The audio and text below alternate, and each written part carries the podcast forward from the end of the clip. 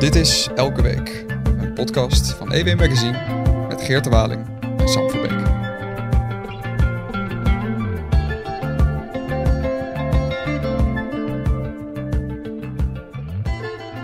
Hi Geerte. Hi Sam. Wat, uh, wat staat er vandaag op het programma? Ja, het is deze week toch wel uh, de week van de verkiezingen in Turkije. Uh, dat land speelt een belangrijke rol in Europa in het conflict Rusland-Oekraïne. Ehm, en ook natuurlijk gezien de vluchtelingencrisis, de aardbeving. en het is ja, een heel interessant land. En het gaat ook nog eens een keer blijkbaar heel veel Nederlanders aan, want er wordt zelfs in de rij massaal gevochten om de stembussen. Ja, het is ook alweer een tijdje geleden dat we het over Turkije hebben. Maar het is dus een goede reden om uh, vriend van de show uh, weer even te bellen. Ja, ik wil graag uh, inderdaad Kaan Özgök op de geest van Kaan Özgök oproepen. Ja. Um, want dat is toch wel onze Turkije-duider. Laten we hem even bellen. Oké. Okay. Hi Kaan. Goedemorgen, heren. Vanuit het hoge noorden, Groningen. Um, heb jij een lekkere week eigenlijk? Zit je er al lekker in, in de verkiezingsstrijd? Ja, ik zit, ik zit toch wel uh, in de vrije tijd uh, die, ik, die ik heb, zit ik toch wel voortdurend het nieuws op de voet te volgen in Turkije. En het is, wat dat betreft, is het een, een achtbaan. Hè? Zondag 14 mei is het zover. Maar je kan eigenlijk geen dag overslaan. Je kan eigenlijk geen dagdeel missen. En er is alweer iets gebeurd. Dus de actualiteit is echt een, uh, een wervel, wervelstorm. Wat het zo leuk is, even ter, ter uitleg voor mensen die jou nooit hebben gehoord. Uh, je bent al eerder bij ons te gast geweest en je schrijft af en toe artikelen op EW Podium. Hè? Dat is eigenlijk het, uh, het schrijfhoekje voor jonge deskundigen die geïnteresseerd zijn in, in de wereld en die daar artikelen over schrijven van buiten onze redactie op de site van ewmagazine.nl. Um, en jij jij schrijft daar af en toe artikelen uh, over Turkije, maar je bent eigenlijk geen journalist. Uh, maar je bent een, wel een Turkije-kenner. Je, je, je, volgt op de voet. Uh, je kent de geschiedenis, je kent de cultuur. Je ouders komen uit Turkije. Um, en um, hoe jij een echte Grunninger bent, weet jij als, als geen ander van, van de, ja, de Turkse politiek. Hoe, hoe is die ondertussen eigenlijk ontstaan? Nou, ik heb een, um, ik heb een, een vader die uh, zelf ook uh, nou, best wel politiek actief is geweest. Uh, in eind jaren 60. Hij was destijds lid, of nee, zelfs voorzitter van, van een hele grote wijk van de Turkse Arbeiderspartij destijds. Dus gewoon echt een linkse, een links, linkse partij, zeg maar. En dat is een best een gerenommeerde partij. Die is nu trouwens nieuw leven ingeblazen. Dus die doen ook mee aan de verkiezingen. Uh, en uh, ja, goed, en mijn vader is ook altijd iemand geweest die, uh, die heel erg bezig is met, met politiek, geschiedenis en met kunst. Hij schrijft zelf ook. En nou ja, ik denk dat ik dat een beetje van hem heb overerfd. Nou, behoorlijk. Je bent heel erg mee bezig, hè Sam? Ja, misschien is het goed om te zeggen, de laatste keer dat wij elkaar spraken, um, was, was in het teken van de aardbeving die toen net was geweest in, in Turkije. En toen heb je al een klein voorzetje gegeven in ja, hoe dat toch uh, ook de populariteit van Erdogan heeft doen, uh, doen beven. En misschien moeten we toch even kijken of we het politieke speelveld een beetje kunnen schetsen. Um, want ja. ja. jarenlang is Erdogan hè, wel gewoon echt een, een, niet alleen een belangrijke figuur, maar ook een best populair figuur geweest in Turkije. Hij is 20 jaar aan de macht, hè? Ja, als ja. premier en als president. Uh, maar hoe, hoe, hoe gaat het nu met hem? Kijk, heel veel fouten die best wel veel mensen maken, is dat ze denken dat het uh, naar aanleiding van een aardbeving, dat die populariteit ineens enorm gaat kelderen. Dat is niet het geval. En uh, zoiets heb ik ook trouwens ook nooit beweerd. Uh, het, is, het is alleen wel zo dat er, dat er het dominante aan de, aan, de, aan de populariteit van Erdogan, dat daar wel een eind aan is gekomen. Dus hij heeft inderdaad uh, twintig jaren lang heeft hij de Turkse uh, politiek eigenlijk uh, vormgegeven en gedicteerd. En het tekent zich nu wel af dat daar wel een einde aan is gekomen. En dat is, dat is niet alleen een proces wat in gang is gezet met de aardbeving. Daar zijn heel veel dingen aan vooraf gegaan. De economische crisis, de, die, die, die zich onder andere uit in een, in een echte bizar hoge inflatie, speelt daar natuurlijk ook een hele grote rol in. Maar de aardbeving zal dat wel hebben versneld. Maar als je dan spraak, als je zegt dan van in die aardbevingsgebieden, wat trouwens echt akpartijen in Erdogan hartland is, hè, uh, dan. Uh, ja, dat zijn oosten daar, hij, ja. ja. Ja, ja, dat zijn allemaal gebieden waar hij moeiteloos uh, 65, uh, misschien wel 70 procent haalde. En als je dan zegt van, joh, wat is daar nu aan de hand? Nou, dan kun je zeggen van, dan is dat misschien met 15 tot 20 procent teruggelopen. Maar dat is wel cruciaal. Dat is wel cruciaal. Want die zitten, in het oosten zitten ook nog eens een keer heel veel van die miljoenen vluchtelingen die naar Turkije zijn gekomen. Eigenlijk zou je kunnen zeggen dat, dat Erdogan het ook heeft laten gebeuren. Uh, of dat hij zichzelf heeft gemengd in het Midden-Oosten in allerlei conflicten, waardoor die vluchtelingenstroom op gang is gekomen. Wordt hem dat nagedragen eigenlijk? Ja, dat wordt hem wel nagedragen. Het is inderdaad het gevolg van uh, politiek avonturisme wat zich uh, zo rond uh, 2010 heeft uh, gemanifesteerd. Dat is begonnen met die Arabische lentes. En toen heeft Erdogan eigenlijk een beetje ja, bedacht dat hij de, de, de, de voortrekker of de leider, hij zag voor zichzelf een soort leidersrol als, als, als, als leider van het Soenitische islamisme, of is, van de Soenitische moslims over de hele regio. En uh, dat heeft zich geuit met bemoeienissen uh, in, eerst in Egypte, maar later ook in Syrië. Maar dat is allemaal als een boemerang teruggekomen in de vorm van miljoenen vluchtelingen. En die vluchtelingen drukken heel zwaar op de voorzieningen in Turkije. En dat wordt hem wel nagedragen. Is hij zichzelf eigenlijk gaan zien als een soort uh, sultan of zo? Of een, een, een, een, een, een religieus leider over landsgrenzen heen van de, van de islamitische gemeenschap? Ja. ja, ja. Ik denk dat hij daar nu inmiddels wel een beetje van teruggekomen is. Maar hij heeft zeker uh, uh, ook door, uh, ik vermoed, een vorm van machtsvergiftiging. Want als je zo lang aan de macht bent, en zeker na, nadat hij president is geworden, waardoor eigenlijk die hele checks en balances compleet weggevallen zijn, is hij denk ik ook een beetje vergiftigd door de macht. En hij heeft geen mensen om hem heen die hem ook corrigeren. Hè, dat zijn eigenlijk allemaal een beetje sprekende poppen die hij om zich heen verzameld heeft. En er is ook plaats, uh, er is ook sprake van een soort van persoonlijkheidscultus. Dus dat aspect van de sultan over de grens heen, ja, dat speelt zeker mee. En uh, Robert de Wit, uh, onze uh, buitenlandredacteur hier bij Elsevier, die heeft een, een column afgelopen week over de strateeg Erdogan, dat we niet moeten onderschatten. Hij zegt eigenlijk precies iets anders dan jij. We komen straks op jouw artikel wat op de website staat bij ons. Maar um, hij zegt eigenlijk uh, onderschat die strategie niet. Uh, je ziet dat uh, Erdogan zich ook mengt in het conflict Rusland-Oekraïne, waarbij hij heel slim drones aan Oekraïne levert en Oekraïne steunt, de Russische fregatten tegenhoudt bij de Bosporus om de Zwarte Zee op te gaan, hè, om oorlog te leveren aan Oekraïne. Dus daar eigenlijk een soort rol in speelt. Hij probeert de vredesonderhandelingen te sluiten en tegelijkertijd stapt hij in het gat dat al die westerse bedrijven en landen achterlaten in Rusland met, vanwege al die sancties. Want hij drijft wel gewoon handel met Turkije en koopt uh, lekker goedkope Turkse gas en olie op en zo. Dat is wel iets wat uh, veel roebels uh, of lira in het laadje brengt. Um, Jawel. Is dat niet, is, is hij niet ook de, slim, de slimme strateeg die we niet moeten onderschatten, zoals Robert Wit schrijft?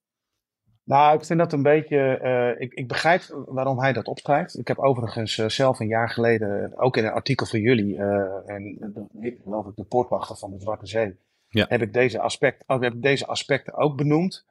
Um, maar het is wel zo dat die, die, die huidige rol die hij ook uitoefent in, in het hele conflict, met bijvoorbeeld in het conflict tussen Rusland en Oekraïne dat is, dat is eigenlijk meer een teken van dat hij teruggekomen is van het avonturisme. En uh, zich weer, uh, weer qua buitenlandpolitiek, dat Turkije zich weer een beetje teruggeplooid heeft naar die oorspronkelijke uh, situatie als zeg maar een beetje een, een evenwichtig land in de regio. En dat is niet Erdogan-politiek, dat is eigenlijk pre-Erdogan-politiek. En, en je ziet dat dat ook beter gaat. En ik, dus, en, en, en ik vind Erdogan niet zozeer een strateeg, maar meer een gehaaide, geslepen opportunist. Ja, en als hij zegt van ja, dat moet je niet onderschatten, ja, dan ben ik dat met hem eens. Maar om nou te spreken van een groot strateeg, nee, zo zou ik hem niet willen noemen. Hey, en Kaan, want we hebben het nu natuurlijk heel veel over, over Erdogan en hij verdient ook uh, absoluut uh, de aandacht hoor. Um, maar uh, hij is natuurlijk niet in zijn eentje deze verkiezingen aan het voeren. Hij heeft, zijn, zijn belangrijkste opponent is iemand die heet Kemal Kılıçdaroğlu. excuses. Kılıçdaroğlu. Dat? Nee, ik kan zich maar ik kan het beter uitspreken. Zou... Nou, ik vond het niet slecht hoor. Maar zou, je, zou, je, zegt, zou je iets over, over, over hem kunnen vertellen? Niet alleen hoe die politiek ja. is, maar wat voor, wat, voor, wat voor man is dat? Nou, het gaat dus om Kemal Kılıçdaroğlu.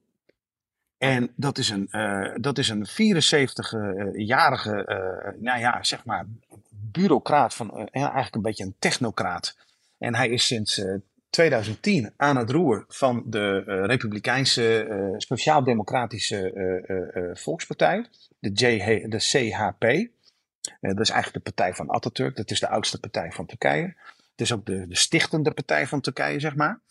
En hij is daar dus aan het roer. En, en het is eigenlijk, ja, je zou als je hem vergelijkt met Erdogan, is het in alles eigenlijk de tegenpool.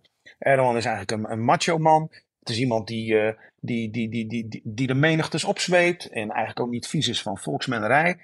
En uh, is eigenlijk best wel heel erg polariserend. Dat zie je nu in deze campagne ook. En Kılıçdaroğlu is eigenlijk in alles het tegenovergestelde.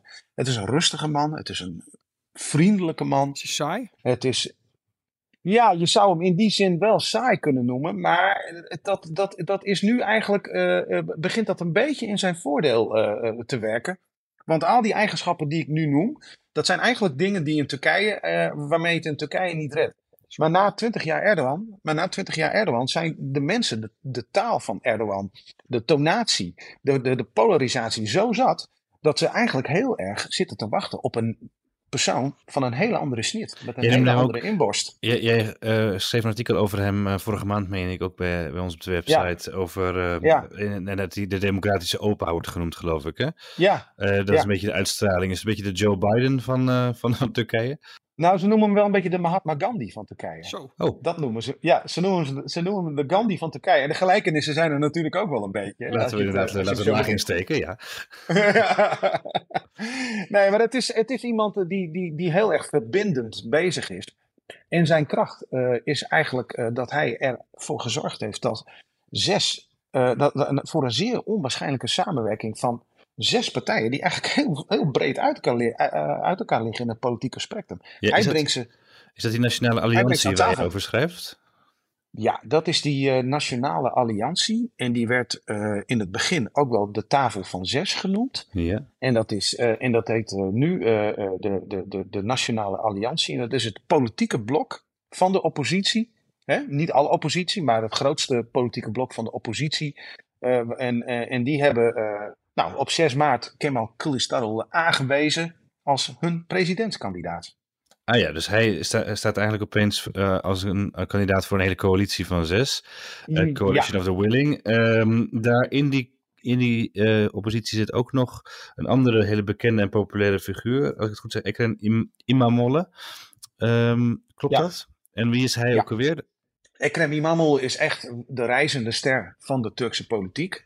Hij is in 2019 is hij, uh, als relatief onbekende uh, deelwijk uh, voorzitter in Istanbul, is hij door Kılıçdaroğlu aangewezen als kandidaat voor de regionale verkiezingen voor Istanbul. En die heeft hij toen gewonnen op 31 maart 2019. het is een zeer charismatische figuur, ook een zeer goed spreker. En die heeft eigenlijk dat opzwepende wat Erdogan ook een beetje heeft. Uh, en je moet je, misschien herinner je het nog wel dat die verkiezingen op 31 maart 2019, die uitslag daarvan, dat was heel close. En die is toen geannuleerd door de, de door Turkse Hoge Kiesraad op aandringen van Erdogan. Toen is men op 23 juni 2019 opnieuw naar de stembus gegaan.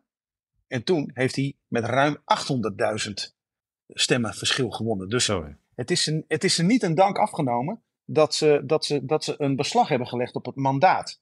Ook heel veel AKP-stemmers hebben toen voor Imamoglu gekozen. Als reactie op die, op die bemoeienis van de Hoge Kiesraad in Erdogan. En dat je schrijft ook in jouw, te komen langs, want een beetje richting jouw artikel, uh, wat jij uh, heel dapper in aanloop naar de verkiezingen hebt geschreven met een heel ferme uitspraak, komen we zo op. Maar jij schrijft daar onder andere in het democratisch besef van de Turken dat zij zich laten niet, ze laten niet zomaar hun mandaat uh, uh, ontfutselen of uh, ze laten niet zomaar met zich sollen. Hè? Dus die hoge kiesraad die je al noemde, die bepaalt de verkiezingen. En zodra de politiek zich ja. ermee gaat bemoeien, dan, dan heb je de pop aan het dansen eigenlijk. is dat een soort nou ja, democratisch kijk, besef wat er in, in de Turk, Turkse ziel zit? Ja, ja, kijk, uh, de, de, de, Turken die gaan sinds 1950, uh, of eigenlijk sinds 1946, maar toen konden ze alleen maar op één partij stemmen, maar sinds 1950 gaan ze naar de stembus om, om hun mandaat te geven aan, aan politieke partijen. En daar zijn ze wel ontzettend aan gehecht. En dat, en dat overstijgt ook alle, alle politieke kleuren. En, en, en, als je, en als je de Turk dat afneemt, dan, dan krijg je wel de rekening gepresenteerd. En, en dat is hoopgevend, dat de Turk er nog steeds in gelooft dat, uh, dat het, dat het uh, ja, dat regeringen tot stand komen uh, door middel van de stembusgang. Dus dat is iets, te midden van alle ellende die er is, is dat wel iets heel hoopgevends en een constante. Hey, en um, kijk, Erdogan heeft, heeft hier in het Westen zeker ook een beetje de reputatie dat hij soms wat dictatoriale en een beetje soms fascistische trekjes heeft. Maar zijn machtsbasis is dus nog steeds een democratisch mandaat, ook bij hem.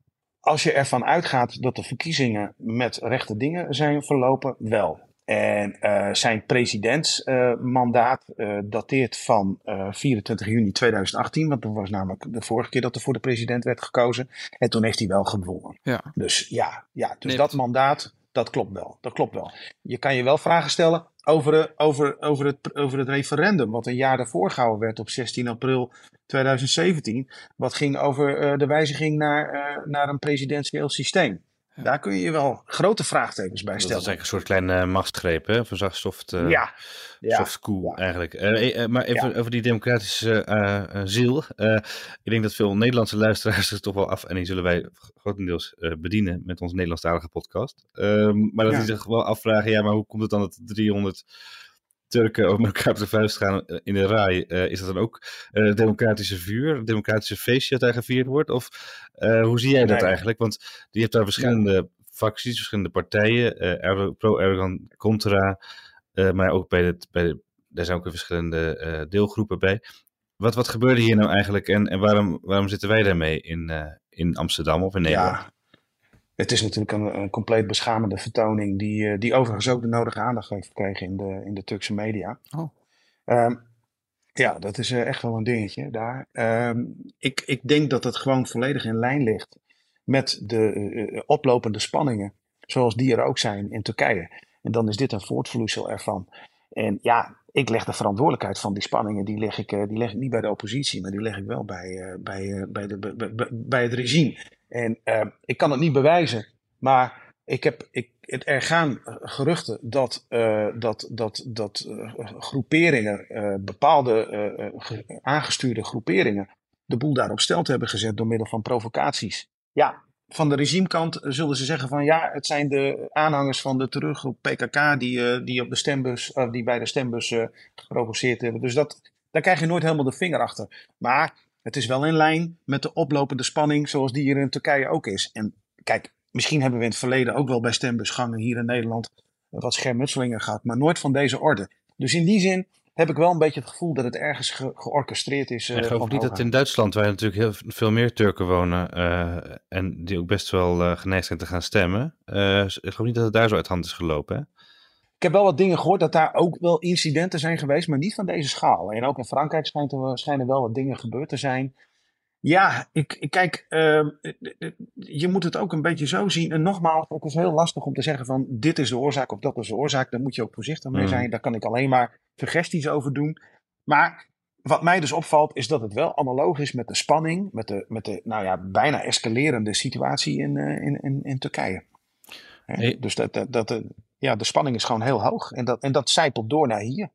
Misschien is het goed om nu uh, dan, uh, als we toch over spanning hebben, uh, een brugje te maken naar de spannende, spannende stellingname van jouw artikel.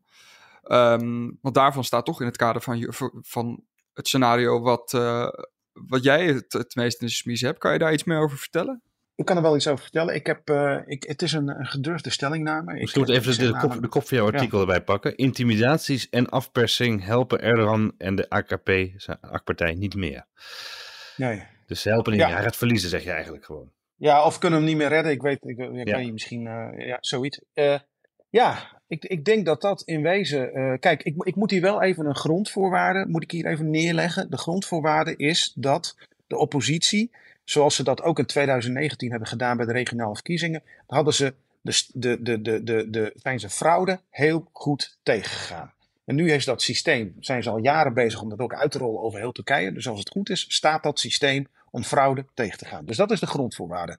Als die grondvoorwaarde nageleefd wordt, dan zie ik niet dat Erdogan kan winnen. Dan denk ik echt dat de oppositie het gaat winnen.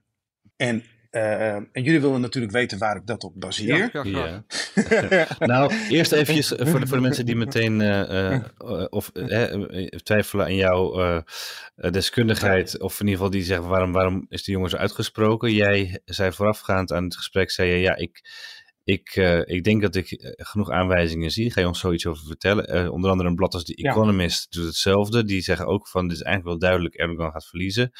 Um, dat is een risico. En toen zei jij, ik hang mijn hoofd wel een beetje in de electorale strop. Ja. en, dat, en, dat, ja. en dat waarderen wij zeer. Je bent ook gelukkig niet van beroep, beroep, journalist, dus jij hoeft wat minder je neutraliteit te laten blijken. Ik, ik vroeg me wel af, is de wens niet een beetje de vader van de gedachte? Um, jij zou ook wel opgelucht zijn als Erdogan na twintig jaar het. Uh, ja, natuurlijk. Ja, natuurlijk. Ja, natuurlijk. Uh, dat ben ik helemaal met je, met je eens. En uh, ik, neem, uh, ik neem doelbewust het risico van de, van de eeuwige hoon. maar ik, ja, ik heb, ik heb het dikke uit, dus dat, dat kan ik wel velen. Uh, alleen de aanwijzingen zijn er ook wel echt hoor, dit keer hoor, Geert. En, ja, precies. Leg eens uit. Kijk, nou ja, kijk, wat, wat voor mij heel, heel belangrijk is, is uh, als je naar het electorale speelveld kijkt in Turkije, waar, waar Sam ook daarnet aan refereerde, is er een absolute sleutelpositie voor de Koerdische kiezer. Dat is gewoon, dat is gewoon zo. En die geldt voor zowel het parlement als bij de presidentsverkiezingen. Op 14 mei gaan de Turken twee keer kiezen. Hè. Ze Mhm. kiezen voor het parlement en ze kiezen voor de, voor de president. Nou, we hebben het nu even over de president. Als je nagaat dat de Koerdische, eh, eh, hoofdzakelijk Koerdische eh, GroenLinkse partij, dat is eigenlijk de HDP, maar omdat de HDP met het dreigend partijverbod te maken heeft, gaan ze nu als GroenLinks naar de GroenLinkse partij gaan ze naar de verkiezingen. Dus ze hadden een plan B klaar. Ehm, die hebben, en dat was heel doorslaggevend, in de week na de benoeming van Kılıçdaroğlu hebben ze gezegd van wij gaan geen eigen kandidaat leveren. Met andere woorden, wij zijn wel tevreden met Kılıçdaroğlu Dus als de, de kandidaat. Koerden worden opgeroepen eigenlijk om op hem. Dus, en dan heb je het over 6 miljoen stemmers eigenlijk, toch? Als ik het Ja, en dat, en, en, en dat oproepen, dat is dus anderhalf week geleden gebeurd. Toen, hè, want tot die oproep was het eigenlijk zo van, nou ja, was het eigenlijk een beetje een impliciete stemadvies. Ja. Maar anderhalf week geleden heeft die partijtop heeft gezegd van, wij roepen onze achterban op om op Kılıçdaroğlu te stemmen. En dat is echt wel een gamechanger. En dat zag je ook, want eh, we hebben die, die hele grote eh, verkiezingsbijeenkomst in Izmir en Istanbul gezien. Hè? En daar komen miljoenen mensen op af van de oppositie. Ja. Nou, dan, dan is het heel makkelijk om te zeggen van, nou kijk nou, eh, dat is echt wel een teken aan de wand. Nou, voor mij zegt dat helemaal niets. Want dat zijn, dat zijn thuiswedstrijden. land vooral is zo groot natuurlijk. En er wonen op het Ja, ja. en andere steden zoveel Erdogan-aanhangers. Ja. Daarom, daarom dus dat, dat zegt mij niet zoveel. Maar wat mij wel heel veel zegt, is dat drie dagen na de bijeenkomst in Izmir eh, gaat Kılıçdaroğlu naar Van. Van is een van de grotere hoofdzakelijke Koerdische steden helemaal in het oosten van Turkije. Samen met Mardin, samen met Diyarbakir. En, eh, en, en, en, en je zag daar Kılıçdaroğlu in de, in de verkiezingsbus onderweg naar het plein. En nogmaals, zou het plein volstaan, dan zou ik daar ook niet zoveel uit aflezen. Maar onderweg naar het plein, hij kon niet door de menigte bij het plein komen. Rijen dik aan de kant van de weg, mensen aan het juichen. Koerdische mensen. En dan pak je de cijfers erbij. En, en, dan, en dan vergelijk je dat eens even met vijf jaar geleden, 24 juni 2018. En dan zie je daar dus dat de toen nog Koerdische presidentskandidaat Selahattin Demirtas in al die steden die ik daar net genoemd heb, dik 60 en soms wel 70 procent heeft gehaald. En de JHP, de partij van Kılıçdaroğlu, nog geen 5 procent. En al die stemmen gaan nu de- wel naar hem toe. Dus En al die stemmen gaan nu wel naar hem toe.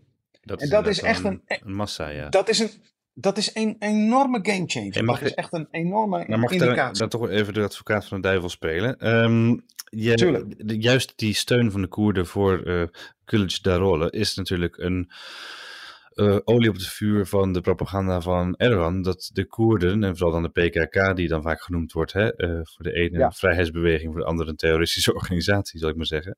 Ehm, en Erdogan laat geen gelegenheid onbenut om die PKK eh, als terroristische organisatie en als een bedreiging van de nationale veiligheid weg te zetten in het plaatje van de, van, van, van de AK-partij van Erdogan is het eigenlijk natuurlijk wel ehm, eh, extra sterk qua propaganda dat nu die Koerden achter de oppositie staan.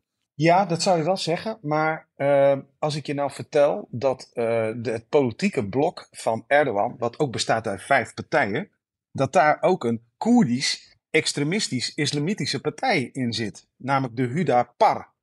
En die Hudapar is eigenlijk een voortzetting van de, uh, van de Koerdische terreurgroep Hezbollah. Dus niet Hezbollah, maar Hezbollah. Mhm. Dat is eigenlijk een soort, dat is de politieke tak van die, van die terreurbeweging die in de jaren negentig uh, dood en verderf heeft gezaaid.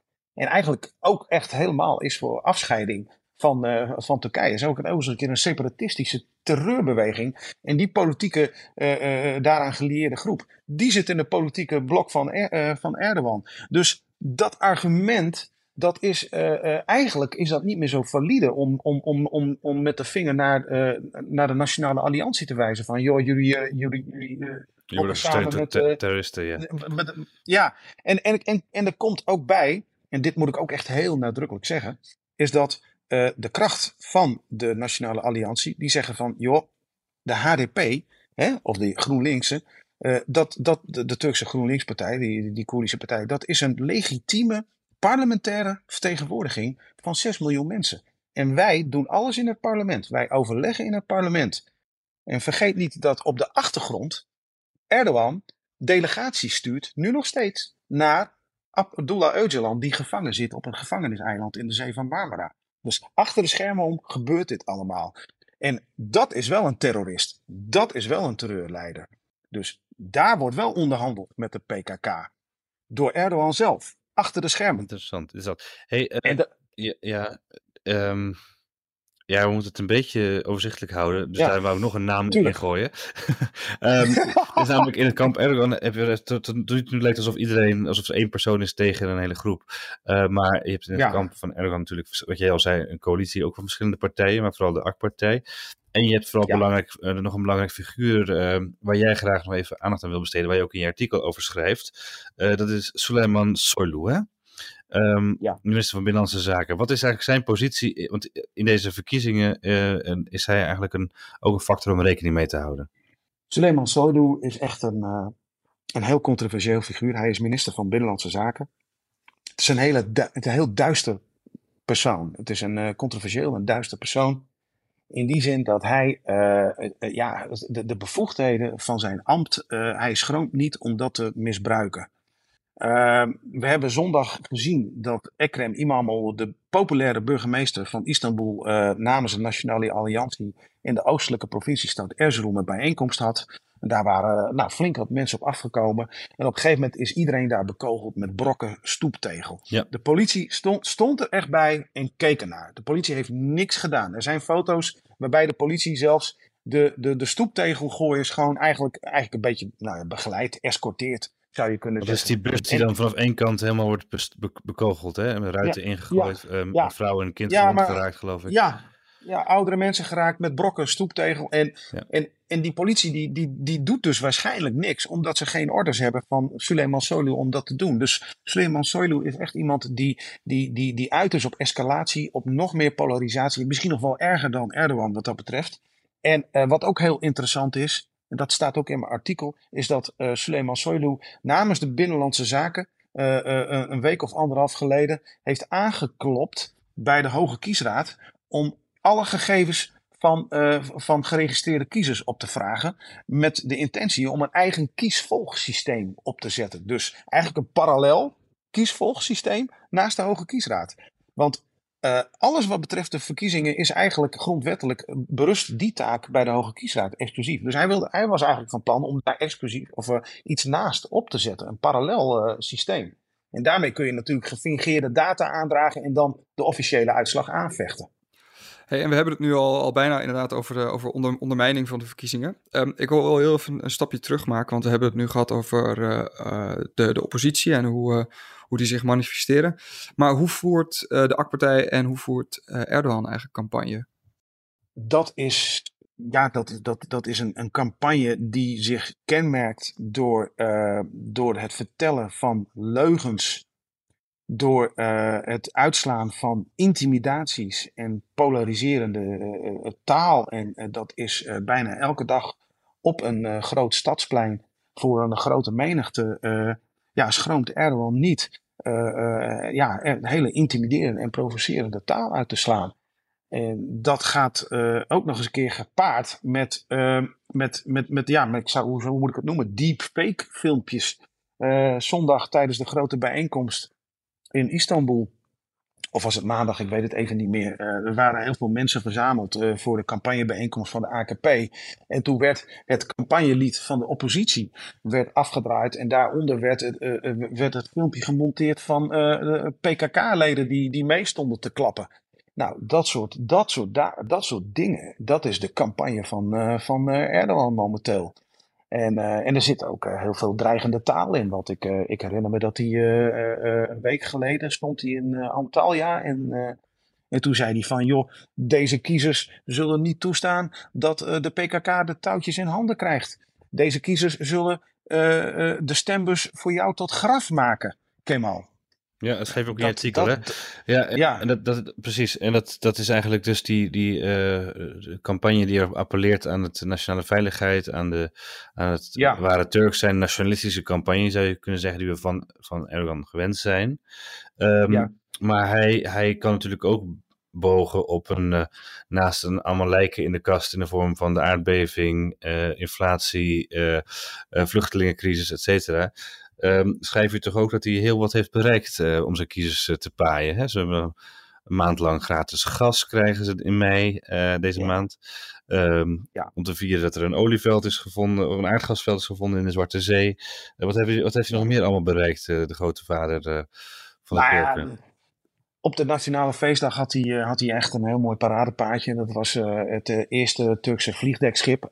En dat heet dan de, de TCG Anadolu. Het was ook inderdaad een, ik vond het ook wel een mooi ding om te zien. Maar het was ten eerste, de experts waren wel unaniem in hun oordeel dat het geen vliegdekschip was. Maar dat het een soort amfibie, amfibisch landingsschip was. Met, met, met, met mogelijkheid tot, om, om, om, om, om plaats te geven aan aan uh, drones, gevechtsdrones. Dus niet, maar goed, niet, niet, niet, voor straaljagers, maar voor drones. Maar goed, dat is in de moderne, in de moderne ja, tijd toch een vliegdekschip. Ja. Uh, ja, het is maar een klein detail. We hebben kniezo die je naar kijkt. En, uh, ik, ik, vond het, ik, ik, ach ja, ik vond het ook wel een mooi ding om te zien. En dat, daar werd dus uitgebreid mee geparadeerd. Het mocht door de Bosporus. En toen ging het ook aanleggen in de haven van Istanbul. Uh, en op, op, die, op die mooiste plek, uh, daar op de hoek van, uh, ja. van het Schiereiland, zeg maar. En, nou, en er stonden heel veel mensen die, die wilden dat zien. Dus dat, ja, dat, dat droeg allemaal een beetje bij aan die presidentiële luister. En het is gewoon ook echt meer zo van eh, Erdogan, de man van de grote me megalomane projecten. Want dat is toch ook een beetje waar hij zich op voorstaat. De, grote, de, grote, de grote projecten. En niet alleen schrijf je iets dat, uh, over, over, een, over een panzertank die, uh, van Turkse ja. bodem, de Altai. Ja. En zelfs, ja. uh, waar, daar wil ik jou mee feliciteren, Kaan. Eerst een Turks jachtvliegtuig genaamd Kaan. Ja, die is vernoemd naar mij. Dat, ja, dat vond ik wel heel attent. Ja. Dat vond ik heel attent. Dat hij dat. Uh, dat Daarmee jouw stem dus dat, uh, Ja, hij, is, heeft mijn stem. Ja hoor. Dat ben je ook dat, naar, naar, Deventer, naar Deventer afgereikt om te stemmen? Of uh, waar moet je vanuit Groningen moet je zijn? Ja, ja, Deventer is de dichtstbijzijnde plek. Nee, dat heb ik niet gedaan. Ik ga dat ook niet doen. En, dat, dat, en de reden dat ik dat niet doe, heeft met veiligheid te maken. En ik heb wel. En, en, ja, ja, serieus. En als, dat echt, als ik echt ooit één keer had willen stemmen, dan was het wel deze keer. Maar ik heb, uh, je hebt de tafereel ook gezien in de RAI. En in Deventer hebben ze ook uh, een sporthal opgetuigd, geloof ik, om te kunnen gaan stemmen. En uh, laat ik zo zeggen, ik heb, ik heb gegronde reden om daar niet naartoe te gaan. Je bent inmiddels ook wel een bekender gezicht in het anti-Erdogan-kamp ja. in Nederland waarschijnlijk. Ja, ik, ja, ik ben bang van wel. En ik, ik heb ook, ik, ja, ik, we moeten het ook niet overdrijven, want ik heb, ik, ik heb natuurlijk niet zoveel bekendheid als, als anderen. Maar goed, wel inmiddels redelijk wat veel volgers op Twitter. En ik schrijf ook geregeld voor jullie en ik ben dan nog wel eens op de radio en dat soort zaken. En uh, ja, goed, ik denk dat dat toch wat uh, de aandacht heeft getrokken van bepaalde groepen. Ja, dus dan kies ik toch even voor de veiligheid. Dus ze uh, toch zonder jouw stem uh, moeten doen. Maar, ja, ze, moet, ze moeten zonder mijn stem doen. ik had, ik had nog wel één, één vraag. Ja. Het, um, ik bedoel, sowieso ben ik benieuwd of, of Mark Rutte ook hiervan leert. Dat hij straks gratis gas gaat geven en uh, vliegtuigschepen gaat presenteren om te kijken of hij aan. Meer gas uit Groningen, goed idee, kan. Ja. Ja, uh, Rut, Rut, Rut, Rut, heeft al een keer zoiets gedaan, hè? geloof ik in 2012. Iedereen 1000 euro toch? Gezegd. Ja. Juist, ja, dat verhaal, ja. ja. Nee, maar kan je niet helemaal vergelijken. Kan je nee, niet helemaal nee. vergelijken. Nee, ik chargeer. Nee. Um, maar het, um, uh, we hadden het natuurlijk net over de gamechanger, over de, de Koerdische stem. Um, ja. ik kan me voorstellen dat dat ook bij de, bij de AK-partij en bij Erdogan voor enige paniek kan, kan zorgen. Hoe is hun reactie geweest? Nou ja, goed, een reactie is natuurlijk in die zin is het niet, is, is het niet, ja, ik, ik, je zou misschien die, die, die, die aanval op Imamoglu in Erzurum, hè, met die, met die brokken dat, dat is natuurlijk ergens aangestuurd, dat is nog ergens, eh, is dat, een, dat is een gecoördineerde actie geweest. En ik denk dat dat, de, ik denk dat dat wel een beetje de wanhoop kenmerkt. Ik was eerlijk gezegd eh, wel verrast dat het gisteren in het aards-conservatieve Konya, Centraal-Anatolische stad, dat is eigenlijk een beetje de spirituele hoofdstad, hoofdstad van de Turkse eh Soenitische eh, islam. Eh, en daar was Imam gisteren. En ik was eigenlijk heel aangenaam verrast dat het daar niet uit de klauw is gelopen. Want ik hield mijn hart wel een beetje vast.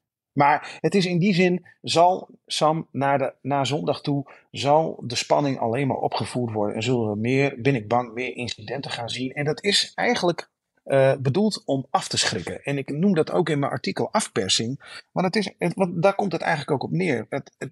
Erdogan wil de prijs van zijn aftreden wil die zo hoog maken dat die onbetaalbaar lijkt voor, voor, voor, voor, de, voor Turkije, voor de Turkse kiezers.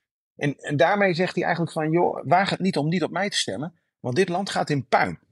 En, en, en dat moet mensen afschrikken. Maar de mensen laten zich niet meer intimideren. Je ziet dus dat in Turkije de, de, de ketens van angst doorbroken zijn. En mensen hebben zoiets van, nee, nee, we gaan wel. De opkomst gaat trouwens echt historisch hoog zijn. Hè? De, de, de, ik, ik, hoor dat, ik hoor uit verschillende bronnen dat die eh, misschien wel boven de 90% uitkomt. Zo. Dus dan kunnen we, wel met recht, kunnen we wel met recht spreken van een feestje van de democratie, als dat zo is. Zeker, ja. Ik, ik had in, in het kader van het vooruitblikken, want daar zijn we nu langzaam een beetje aan begonnen, had ik wel, wil ik wel met één vraag beginnen.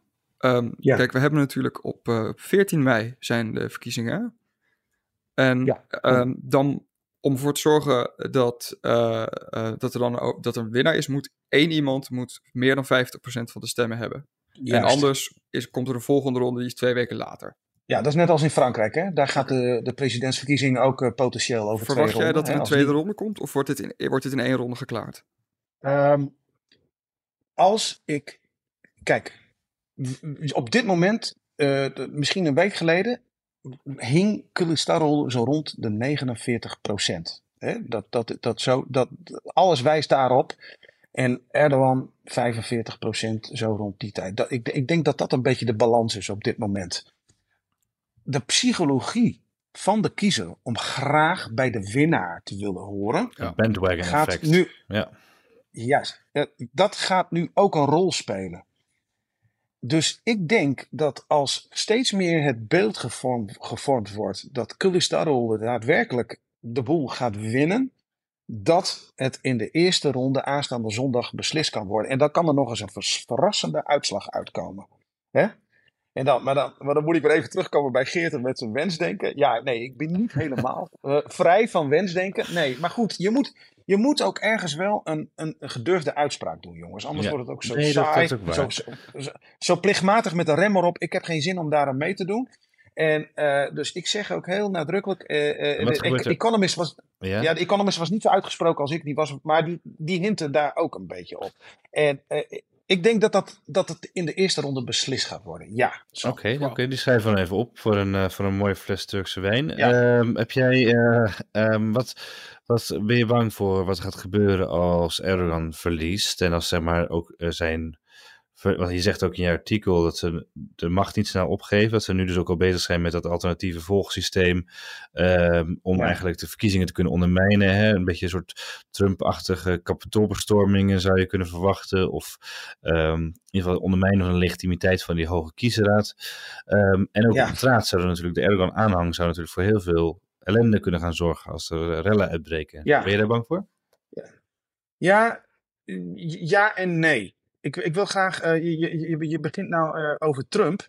Herinner je jij die, eh, die republikeinse eh, eh, eh, ehm, eh, eh, functionaris in Atlanta nog?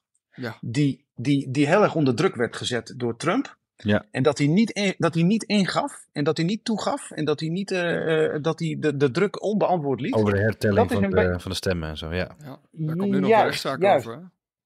Ja, ja, precies. Maar goed, die, die man, dat is dus nu de, de Turkse Hoge Kiesraad, de JCK.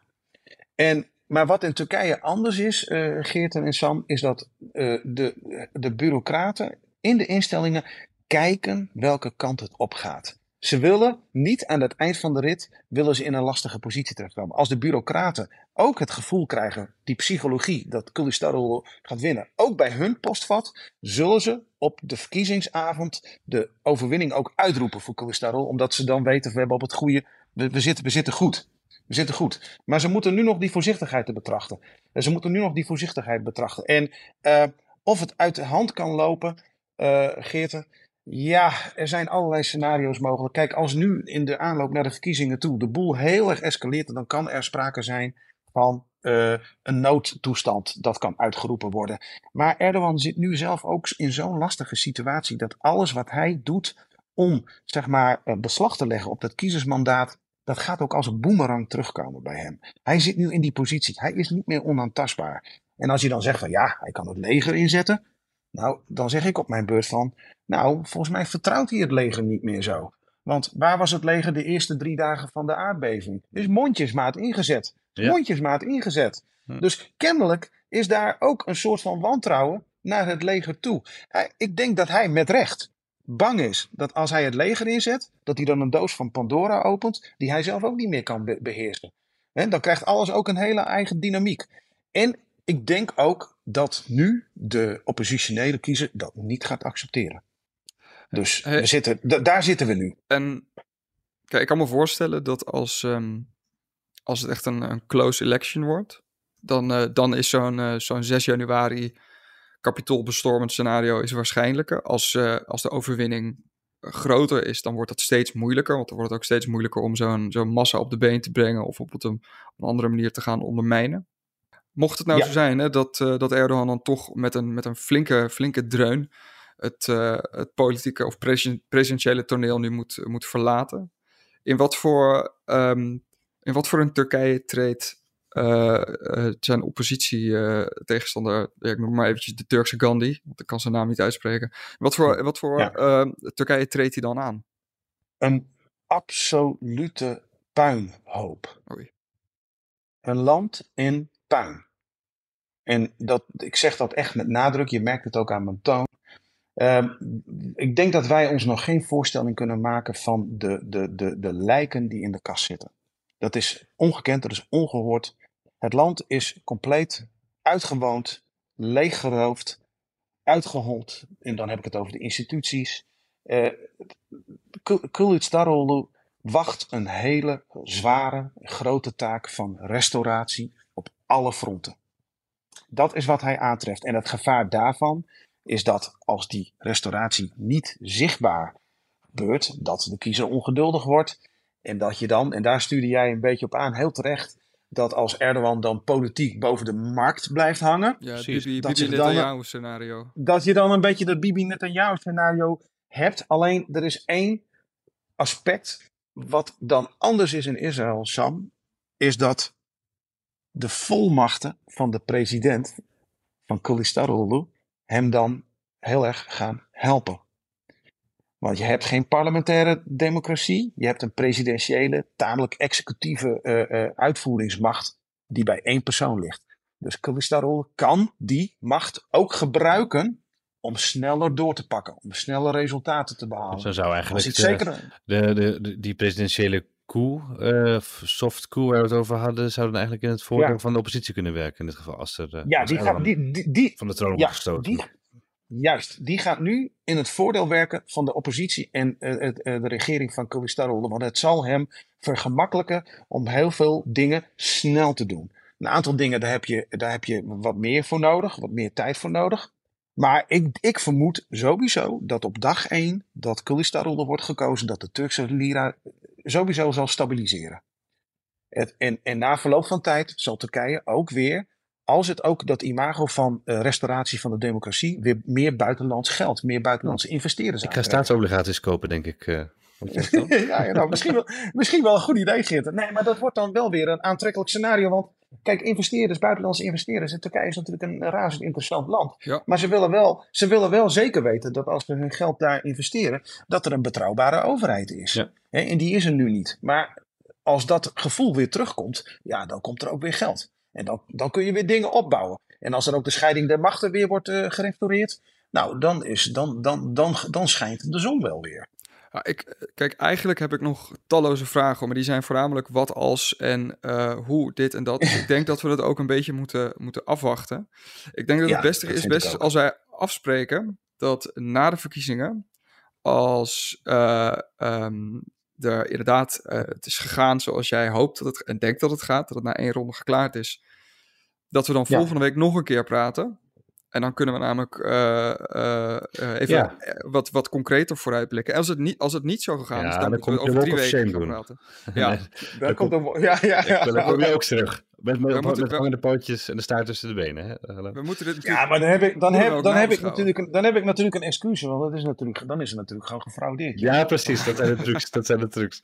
Hey Kaan Usger, ik ben ontzettend blij dat je uh, zoveel tijd en uh, energie voor ons hebt vrijgemaakt om, uh, om ons bij te praten. Op Twitter kunnen mensen jou volgen. verweestlinks. Mooie, mooi uh, mooie naam heb je daar. Vind, en, um, vind je hem nog steeds mooi? Vind je hem, ja, nog zeker. steeds zeker. Oh, en, uh, ja? en, en, niet Ja, alleen als het gaat om Turkije, maar je volgt het wel heel erg goed. Dus ook daarvoor interessant. Maar ook voor allerlei andere bespiegelingen op de wereld. Um, volg ik je altijd graag. En jouw artikel, um, jou, dit artikel is te lezen. Intimidaties en afpersing redden Erdogan en de AK-partij niet meer. Maar uh, ja, er staan nog veel meer artikelen van jou op ewmagazine.nl te lezen. En uh, we lezen die altijd heel graag. En ik heb begrepen dat je ook al een stuk in de pen hebt voor na de verkiezingen. Dus we gaan kijken of dat ja, ja, is uh, na zondagavond. Ik wens je in ieder geval een heel, heel fijn verkiezingsweekend. Ik zit zaterdagavond achter de buis voor het Songfestival.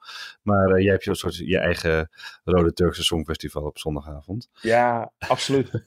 absoluut. Jongens, jongens maar... Kijk of je geen toontje lager gaat zingen. ja, het was, een, uh, het was uh, zoals gewoonlijk, uh, of zoals altijd, weer een, een groot genoeg om, om deel te mogen nemen aan elke week. Mooi. Absoluut. My pleasure, my pleasure. En, en ja, we, we, komen, ja, we komen snel bij je terug. Het is of na de eerste ronde of na de tweede ronde. Ja, we gaan het zien. Okay. Fingers crossed. Kulic dar, dar olo.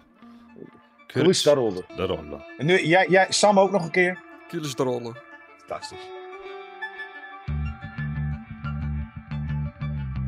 Dit was Elke Week, een podcast van EW Magazine met Geert de Waling en mij, Sam Verbeek. Zoals elke week kan je de besproken artikelen ook vinden in onze show notes. Voor dit een leuke podcast, abonneer je dan en laat een leuke review achter. Heb je vragen of opmerkingen? Geert kan je op Twitter vinden onder Geert Waling. Ik ben op Twitter te vinden onder SamWV. Je mag me natuurlijk ook mailen naar sam.verbeek.ewmagazine.nl Dank voor het luisteren naar Elke Week. Tot volgende